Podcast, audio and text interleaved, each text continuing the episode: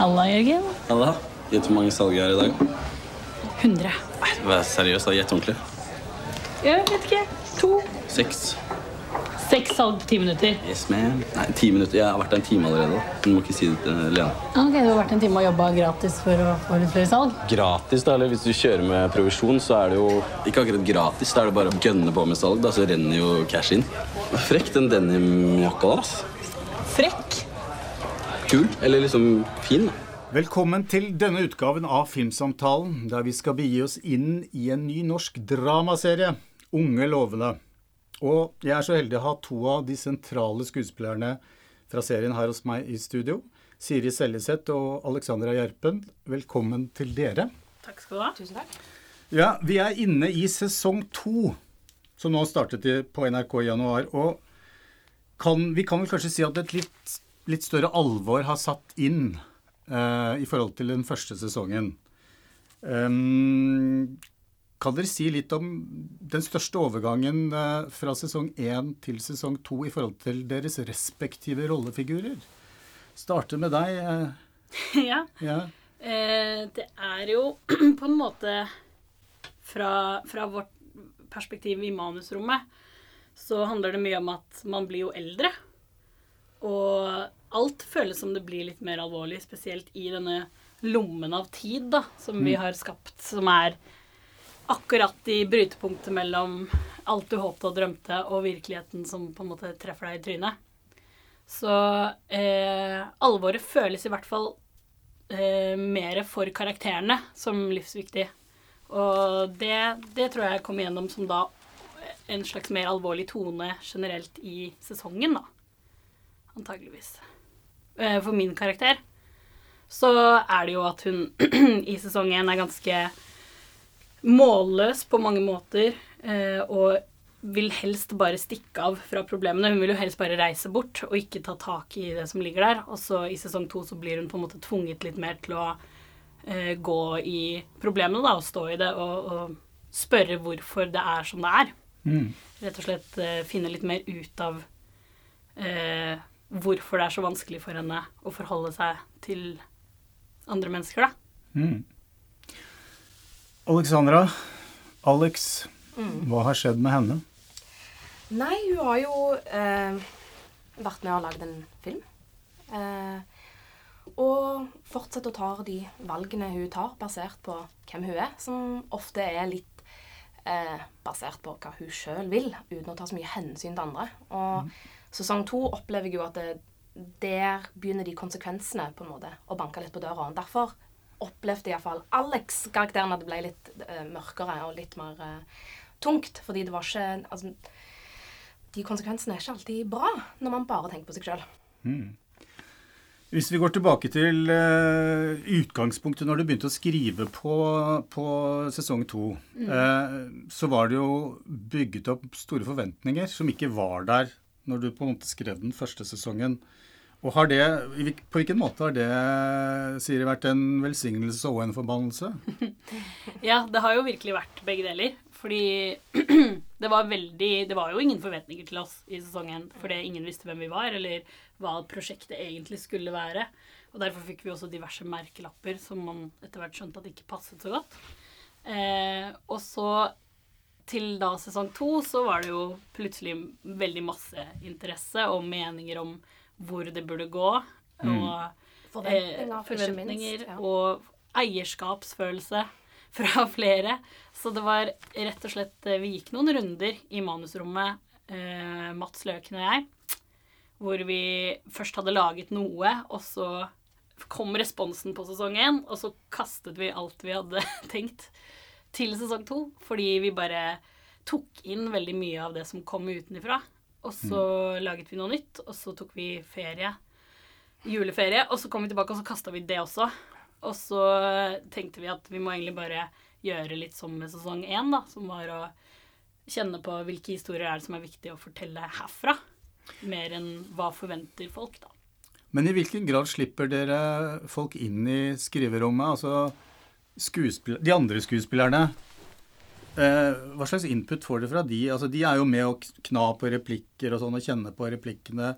før de skal avsi dem. Men, men kan dere si litt om samarbeidet? Fordi dere tre skuespillerne i de sentrale rollene er så viktige. Eh, men det er jo du og medforfatter som da skriver manus. Men når, når trekker du inn eh, Alexandra og, og, kanskje noen av de andre skuespillerne? Eh, vi har litt sånn åpen dør-policy, egentlig, ja. på mannsrommet, hvor vi, det er veldig lov å komme innom. Men så har vi også veldig respekt for at tidvis så vil man jobbe kun som skuespiller og vente til man får noe å ta stilling til, før man på en måte kommer inn og mener noe på det. Så vi, det som er fordelen, er jo at jeg kjenner både Alex og Gine privat, som gjør at jeg, jeg, tror jeg kjenner smaken deres ganske godt, og hva som på en måte betyr noe for dere. Mm. Og prøver å lage noe som kommer fra meg, men som jeg vet at vil være noe viktig for dere også. Ja. Ja. For du Alexander, har jo Du snakker om eierskap eh, som, som seerne føler, men du, er, du, må jo føle et sterkt eierskap til rollen, ikke sant? Jo, jeg gjør det. Og, og hender, du, hender, det du tenker at nei, Alexandra ville ikke sagt det her? Det er veldig sjeldent. Ja.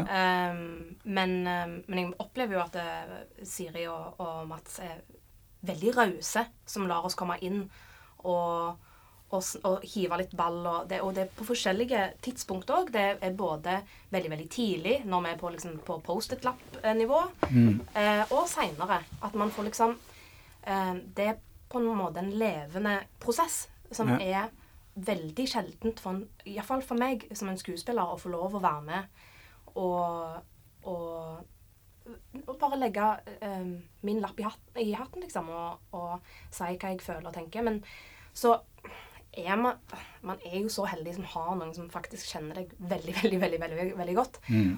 Og det er sånn som Siri sier, at hun kjenner mine verdier og min smak. og så det er veldig Jeg blir veldig gira når jeg leser manuset til Siri, og jeg kjenner igjen språket med en gang. For Siri er en veld, meget særegen måte å skrive, og spesielt skrive meg på. Nå er det jo også basert på karakteren Alex. Er jo laget på inspirasjonen jeg fikk fra Alex i virkeligheten. Så det er, jo, det er jo en veldig spesiell situasjon der.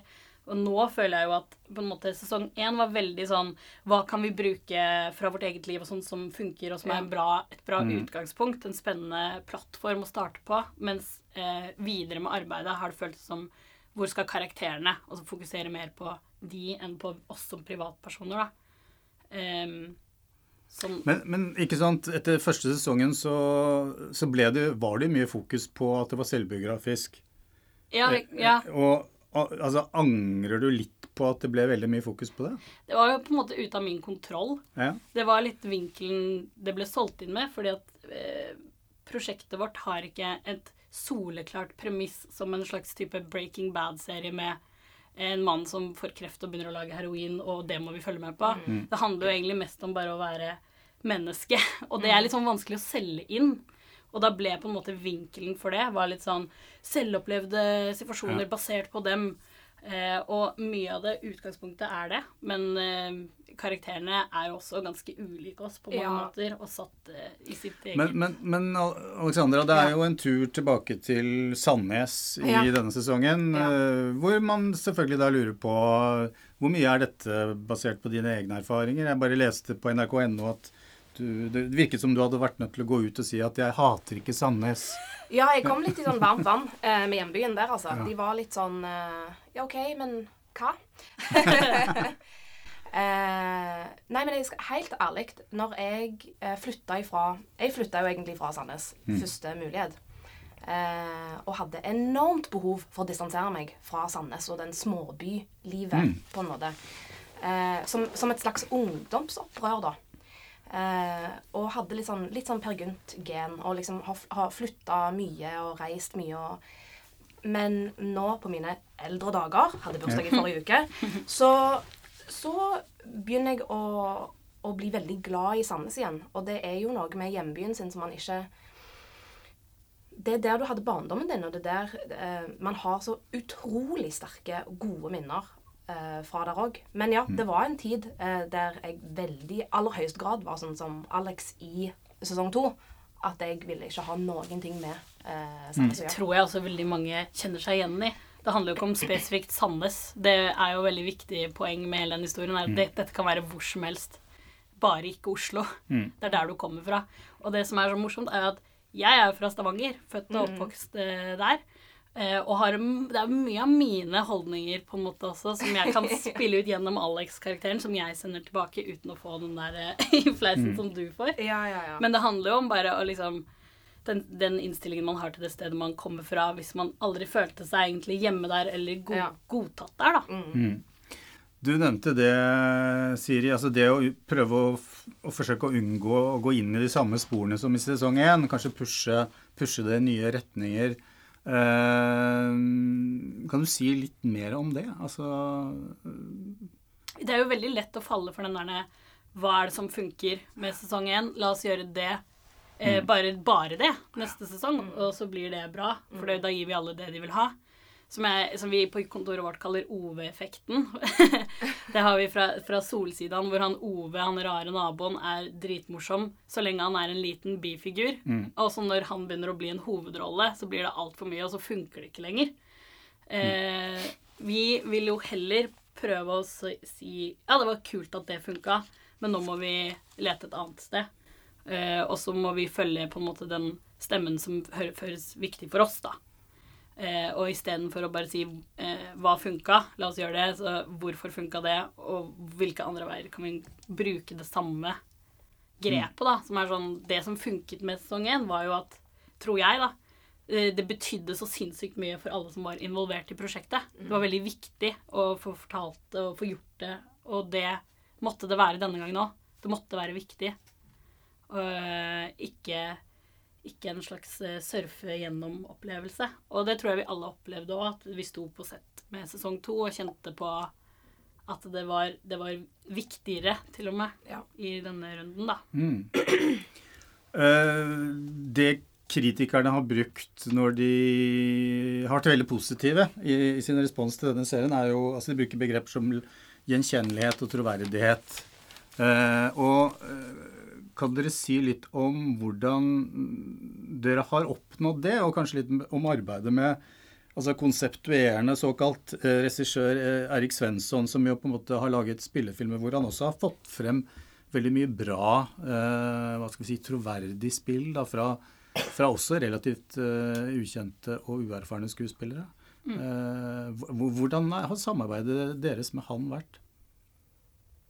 Ja, jeg vil jo eh, først, og fremst si at eh, Eirik Svensson er veldig glad i skuespillere. Mm. Og han viser utrolig stor tillit eh, til oss.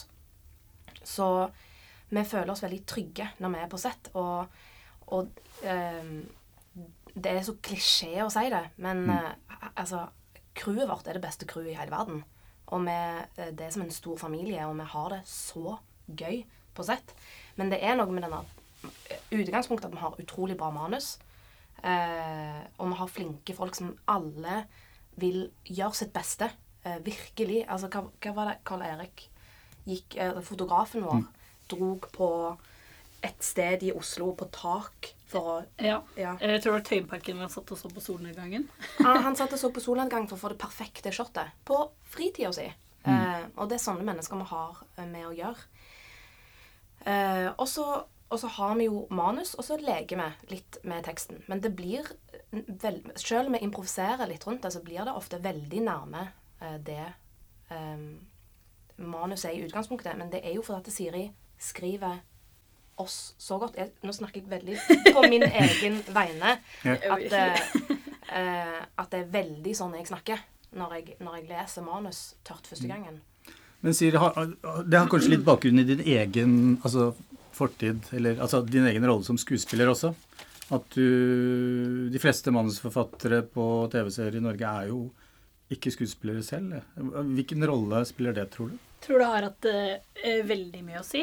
Å stå der og måtte levere tekst. eh, og kjenne på hva er det som er en spillbar situasjon og ikke. Og hva er det som eh, Hva er det som faktisk føles naturlig å si, da. At jeg føler jeg har det veldig bildelig foran meg når, jeg skriver det. Skriver det mer som en eh, Eller jeg har det på film i hodet. enn mer enn at eh, jeg ser på det matematisk, sånn at alt skal gå opp. Mm. Så tar vi det etterpå heller. Men eh, i forhold til I forhold til eh, hvordan Unge lovende har blitt, så hadde det jo ikke Det hadde ikke vært som det er hvis det hadde vært en annen regissør Nei. som hadde blitt satt på det.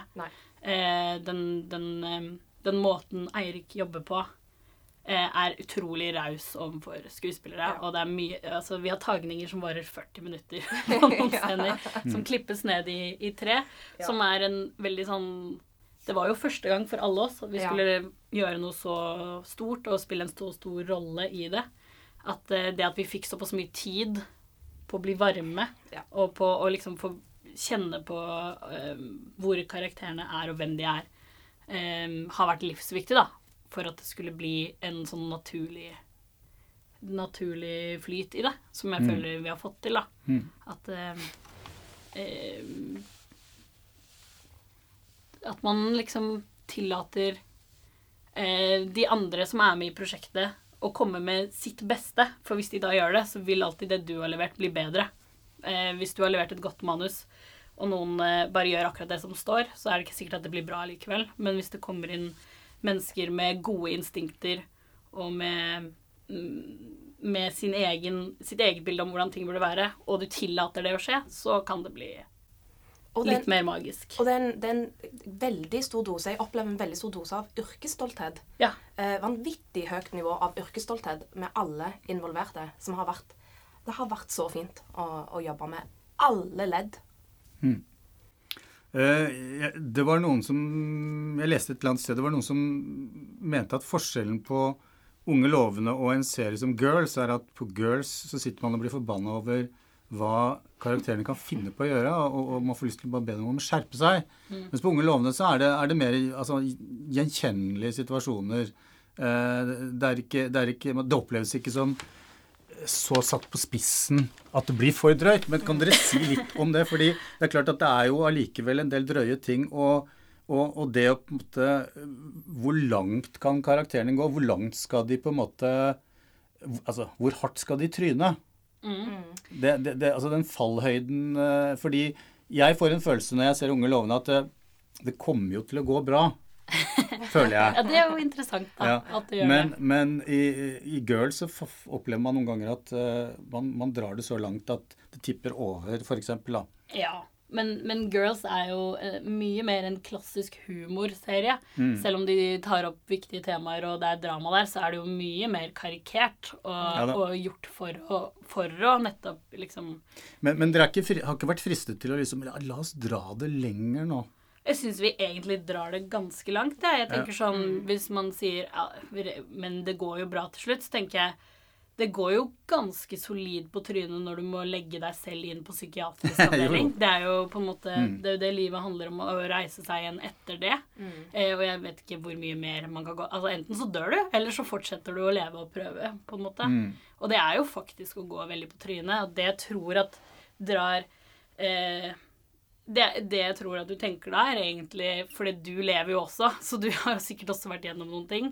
Og hvis det da er gjenkjennelig, så tenker du Men alt går over, eller alt kan Mm. Kan du reise deg fra? Dere virker, eller karakterene, virker, eh, virker robuste, tross jo alt. Man, for det er Litt, jo inspirert inspirert ja. av robuste mennesker. Absolutt. Men jeg tror at det, det som skiller oss mest kanskje fra en sånn serie som Girls, er inderligheten vi tør å legge i det som vi gjør. Altså, Enig. det ikke er ironisk distanse. Vi tar det ganske på alvor. Og det er der humoren også ligger. Er at uansett hvor, hvor corny og teit ting, tingene de gjør, er, så er det utrolig viktig for den seriøst, karakteren ja. å gjøre det. Som eh, særlig Alex er et godt eksempel på, da, med når vi setter henne i en eh, booth hvor hun må gjøre dialekter hun ikke kan, eller en eh, self-tape vikingkostyme. Ikke sant? Ja. Men det er ikke som om Alex der står og spiller ha-ha, dette er så teit. Det er jo livsviktig Ja. for Alex. Nå gjorde jeg jo den tabben som jeg egentlig ikke skulle gjøre, det er jo å nevne Girls. Eh, fordi det er klart, eh, dere har blitt sammenlignet med Girls eh, og, og, og til og med Skam. Og noe som selvfølgelig er et uttrykk for at eh, det er ikke mange referanser å kunne bruke, og derfor så bruker man de man har. Eh, men Og når det er sagt, så er det jo to veldig kule ting å bli sammenligna med, da. Ja, ja. Så vi er ikke noe furte for det. Nei, det er veldig smigrende. Ja. Men, men, men hvis dere skal si noe om de referansene Jeg tror vi utelukker Skam fordi den er på en måte Det er mer nærliggende å tenke på, på girls, da. Eh, altså ville Du ville kanskje ikke altså Tilsvarende serie med menn ville kanskje ikke opplevd den sammenligningen. Eh, det er mulig. Men, men er, dere, er, dere, så fed up at dere egentlig ikke orker å snakke om eh, den parallellen? Jeg tror vi begge gleder oss til vi slipper det. Det tror Ja, jeg. Ja. Men, men, men vi forstår behovet for å sette liksom merkelapper på ting. Og det var jo egentlig før serien kom at det ble mest sammenligna med Girls. Og så har det egentlig dabba av derfra. Når folk faktisk fikk se hva det var. Ja. Ja. Samtidig som det fortsatt ikke eksisterer så veldig mange andre serier å sammenligne det med. Og Det var egentlig det som var mitt poeng. Eh, altså, hvordan ser dere på det? Eh, eh, opple har dere opplevd det som et gjennombrudd at dere fikk på en måte fram denne serien? Og, og, og, drevet den fram på, med et så personlig engasjement gjennom deg som serieskaper, og at dere var en gjeng i utgangspunktet som, som, som uh, kjente hverandre fra før. og Ja, eh, altså det hadde ikke skjedd hvis ikke det hadde vært for Girls. Det hadde, det hadde ikke gått an, for da hadde vi ikke kunnet komme inn med foten innafor døra på, hos en kanal heller. Mm. For da ville de Det var jo en målgruppe, den målgruppen vi har, var egentlig litt sånn gitt opp på. At de er de som ikke ser på TV uansett. eh, Og i så fall så ser de bare på eh, internasjonale ting på streamingtjenester. Så det hadde ikke vært mulig hvis ikke vi hadde noe å referere til. Samtidig som vi bare håper at det er liksom Det er en start på en, en slags eh, at, at vi skjønner at det går an å lage masse av alt, på en måte. Nå har vi jo hatt Vi, vi har laga masse krim og thrillere og nordic noir og spenning, og hvorfor kan det ikke være like mye med, med relasjonsdrama? Ja. Og særlig da med kvinner eh, i hovedrollene. Hmm. Fordi det er jo Statistikken viser jo at det er ganske tynt. Det er dårlig Mm. Og det, det blir litt urettferdig å si at ja, men nå har vi Skam og Unge lovende, eh, så da er det jo bra. Mm. Mens fordi vi er to lavbudsjetts, eller i hvert fall maks medium-budsjettsserier. Det er ingen av de store 80 millioners greiene som frontes av kvinner ennå. Så eh, Og det er alle sånn veldig høyt plott-serier. Mm. Kanskje Kanskje vi skulle vurdert å se på Nå er det i hvert fall bevist at sånne typer serier som det her treffer folk, da. Og folk vil se på det. Og det treffer ikke bare kvinner. Det treffer kvinner og menn. Men du sier jo sjøl at du kjenner deg igjen, eh, sjøl om vi ikke er samme kjønn. Og Jo, jo. Det, det føler jeg er Det er jo sant. Ja. Og det Ja da. Nei, men jeg har sønner som uh, følger med på det fordi de er jo interessert i hva, hva unge damer i dag er opptatt av. Prøve å få litt. ja.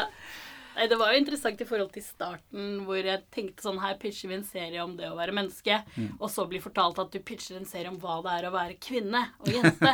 og så Å ja, shit, det er det jeg gjør, ja. Eh, men det gjør jeg kun fordi det er så lite representert, Ja, ikke sant. egentlig. Uh, I sesong to så, så får jeg en følelse av at, uh, at uh, de tre jentene, unge kvinnene, er, er, på vei i hver sin retning, på en måte. Altså, er, er, fellesskapet i ferd med å gå litt mer opp i liminga? Er det hva, ja, nei, hva, hva tenk, altså, Må jeg se på deg, da, Siri. Altså,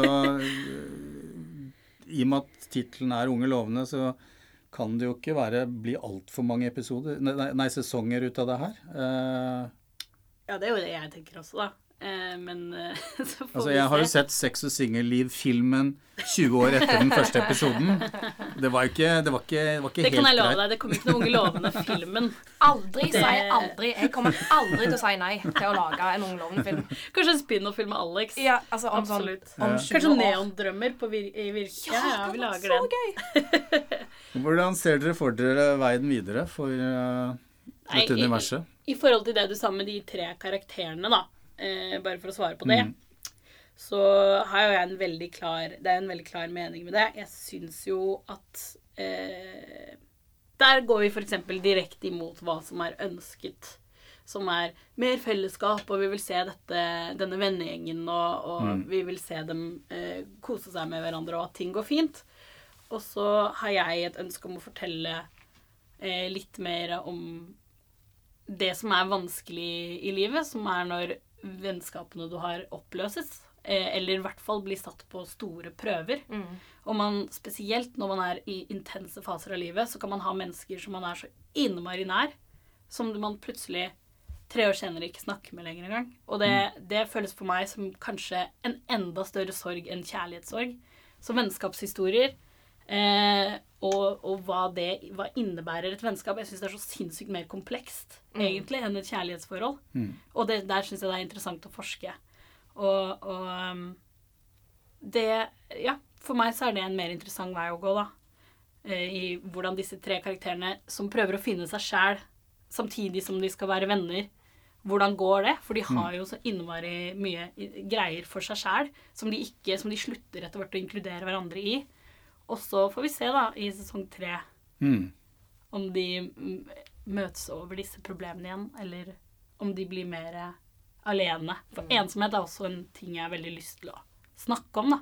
Mm. Man kan være ensom i verdens største by, eller i en vennegjeng, eller helt alene, eller i et forhold. Så ja. De, de vi, Jeg telte forresten scener, da, fordi det var litt sånn Det er faktisk eh, like mange scener hvor de er sammen i sesong to som det er i sesong én. Det bare Vi har ikke like mye feel good-scener. Sånn Nei, nå sitter vi i bilen på vei til eh, en, Oscarsand, liksom. Ja. ja. Det er litt mer sånn Det, det er litt spenninger der, da. Eh, vi nevnte det selvbiografiske, uh, men, men dette er jo også en slags, et slags portrett av en, en kreativ eh, generasjon. Ikke sant? Dere er jo vokst opp eh, i en generasjon som er kjent for å ville jobbe med noe kreativt, jobbe med TV, jobbe med film. eh, og dere harselerer litt med det. Eller ikke så lite, egentlig. Eh, men men det, dette har jo på en måte vært en vei for dere også inn i, inn i en bransje, da. TV og og altså, filmbransjen berøres, berøres også. Eh, altså, hva slags inntrykk har dere av den bransjen? Ja, eh, For en person som har stått og banka på den døra i eh, Ja. eh, pluss ti år, så kjennes det utrolig fint å, å endelig få lov å leke i den sandkassen, for å bruke det uttrykket. Mm. Um, altså, Unge lovende har forandra livet mitt.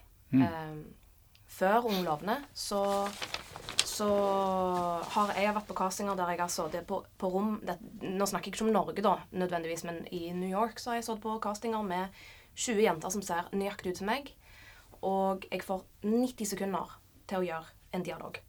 Det er standard i, i New York, at man føler at man er en veldig liten brikke i et veldig stort spill som man egentlig ikke har så mye innpass og, og har ikke så mye betydning, da. Um, mens etter Unge lovende så uh, ikke bare får jeg uh, auditions, som er en kjempebragd i seg sjøl, men jeg får en kopp kaffe. Og den kaffen er så symbolsk for meg. Eh, det, det, det, er så, det er så varmt og, og velkom, det er noe så utrolig velkomment med det. Jeg er jo veldig glad i skuespillere og regissører. Jeg er jo veldig glad i bransjen min. Så Men, men så det er, det, er, det er en kjølig opplevelse å være utenfor, og så når man kommer innenfor, så kjenner man varmen? Er det, ja, ja men jeg har er det så enkelt? en, ja, jeg har kjent en umiddelbar varme fra Ja. liksom, glørne av Unge lovende, som har vært veldig fint. Mm, Men, mm. Um, men det, det fortsetter jo å være ensomt. Man må jo, man er jo Jeg er jo en grådig liten gris. Jeg vil jo bare jobbe og jobbe og jobbe. um, For serien har jo en sånn ambivalent forhold til hele greia, på en måte. Ja, helt klart. Ehm, vi kommer jo litt fra venstre inn. Ja. Eh, Vi har jo kamikaza oss inn i bransjen på en måte. Fordi vi er jo eh, vi er jo rejectsene på mange måter. Vi var de som ikke kom inn på Teaterhøgskolen, og som Mm. fire ikke, ganger. og som ikke har gått eh, nødvendigvis akkurat den riktige gangen, eller den vante gangen, som har gitt oss det perspektivet som er litt sånn Åh! Eh, hvis jeg bare kunne fått en sjanse til å bevise at jeg kan dette, så jeg kan det. Eh, så det er jo på en måte vår inngang i det. Og det gjør at jeg på en måte har et sånt blikk litt utenifra på hele bransjen. For det, hva er det når man plutselig blir tatt inn i varmen, og, og du får den kaffen, og du får en klapp på skulderen og sånn, fra de samme menneskene som virkelig ikke brydde seg om deg da du leverte noe til dem for et år eller to siden. Virkelig ikke. Virkelig ikke. Eh, Det er jo bare sånn det er. Det er Ja. kjempe, kjempe cutthroat. Det er veldig timing og, eh, og flaks og alt mulig som går inn i en sånn potpurri av å få det til. Og så tror jeg at det har vært liksom veldig sunt å se at det kanskje ikke alle må gjøre det på helt samme måte for å få til det de har lyst til. Da. At det går an å tenke eh, og lete litt andre steder og tenke på litt andre måter. Og det er selvfølgelig Det irriterer jo også folk. At de har kanskje eh, gjort det på den måten som de ble fortalt at var riktig, og så var det vanskelig å gjøre det sånn, men de greide det. Og så står de, og så er det noen andre som eh, bare Kommer rett fra venstre. kommer rett fra sida og, og Ja. gjør det istedenfor. Men har dere en følelse av at dere, dere kommer inn i en periode hvor, hvor det er hvor det skjer veldig mye? Man er i en slags brytningstid, ikke sant? Hvor TV-drama har fått en betydning man ikke egentlig skulle tro for eh, fem-seks år siden. Eh, Og nå er det nye aktører som kommer inn. Hva Var det Viaplay har liksom 43 serier under utvikling. Altså, Jeg tror det er 60 noe, faktisk. ja, ikke sant? Det er, Sant. Ja. Sånn at det åpner seg mange muligheter. Og jeg vet ikke altså, Hvordan, hvordan opplever, opplever du det, Siri, som serieskaper? Altså at uh, Føler du at uh, at, uh, ja, at det er er et åpent landskap hvor det er masse muligheter Ehm, altså for oss å lage an, og og også for, for din del å lage andre ting? Eller Nå snakker jeg jo til dere begge. Du Ja. er jo også skuespiller og eh, for så vidt serieskaper, du også. Eh, ja. Absolutt. Eh, det det er jo bare Det å liksom være serieskaper er en rolle jeg har vokst veldig inn i. Ja. Som jeg ikke ville Jeg sto ikke på, på døra til Monster og sa hei, hei, jeg er serieskaper Silje, Siri Seljeseth. Holdt på å kalle meg selv Silje? Ja, ja, ja. Ja, jeg blir kalt veldig mye Silje. Eh, Siri. Eh, Men, men, men noe som jeg mer har vokst inn i av å, av å gjøre det, da. Lært, dette, har vært min, eh, dette har vært min utdanning, min skole. Jeg har en veldig bratt eh, kurve på læring. Eh, og det er veldig sånn typisk min måte å lære noe på. At jeg må gjøre det istedenfor å sitte på skolebenken og, og teoretisk ta det inn. Så må jeg liksom være Og det, det håper jeg at det kanskje blir mer åpninger for da, i bransjen. At man kan lære på den måten. Eh, men eh, men ehm, man ser jo det at spesielt TV-drama er på en sånn Folk tror det er en boble, da, at det kommer til å gå over, at snart er vi lei av TV-drama også, men jeg kan ikke egentlig se at vi skulle bli det, for det, det er plass til så innmari mye, da. Mye mer enn det har vært plass til eh, filmer på kino. For de må jo settes opp i hver sin sal, og så må de promoteres, og det koster masse penger, og så må folk gidde å kjøpe billett og komme og gå, og TV kommer hjem til deg i stua di og er megatilgjengelig. Og du kan, det, det er liksom ingen grenser for hva slags type historier du kan fortelle i TV lenger. Eh, så det, jeg tror det bare er et voksende marked der, Mm. egentlig. Så, ja, unnskyld. Ja, så syns jeg òg at Norge eh, er så utrolig spennende. For når, jeg var vekke i seks år, og når jeg på en måte kom tilbake nå jeg- Nå kom jeg jo flygende inn på en fjøl, rett inn i en serie òg, så, så det skal sies. Men jeg opplever Norge i en sånn Det er noen gullalder. Og det er kanskje den bobla du snakker om. Ja, de kaller det eh, gullrushet nå, da. ja, På en måte. Som boligmarkedet. ja, lite grann. Men både liksom ehm, eh, Men eh, film og TV, men men òg liksom musikk og altså, Det er så mye utrolig kult som skjer her eh, akkurat nå. Så det, jeg syns det er superspennende å være i Norge nå, for man, det skjer jo så mye. Ja, jeg tror liksom det Skandinavia egentlig bare er et veldig bra sted å være for kreative mennesker. Og i hvert fall for TV, fordi at det, vi fortsatt er litt sånn underdogs for resten av verden. Det eneste de vet at vi har litt peiling på, er Nordic Noir. Mm. Eh, men vi kan jo mye mer. Mm. Og Men føler du at, du at du er veldig komfortabel nå, at du har på en måte grodd inn i, i TV-formatet, hvor det på en måte er så utrolig store muligheter for å på en måte jobbe med karakterer, utvikle karakterer, altså som, som kinofilmen ikke har ofte tid til, plass til? ja, det, det er jo grunnen til at at jeg syns TV er det mest spennende å jobbe med. Mm. Fordi du kan eh, Du kan få så mye plass til karakterene dine. Og det kan være karakterdrevet. Og du kan fortelle lange, lange historier. Og se dem over eh, et ganske godt spenn av tid. da. Mm. Mens eh, film er magisk på den måten at det er en lånt tid du får. Du går inn i den salen, du ser filmen, og så er du på en måte ferdig. Men serier kan liksom eh, ja, bli med deg der du er, Mm. og vare mye lenger. Jeg syns det var noen fine ord som jeg tenkte vi kunne avslutte denne samtalen med. Eh, tusen takk for at dere kom. Det var veldig hyggelig å få komme. Ja, sjøl takk. Det var veldig hyggelig.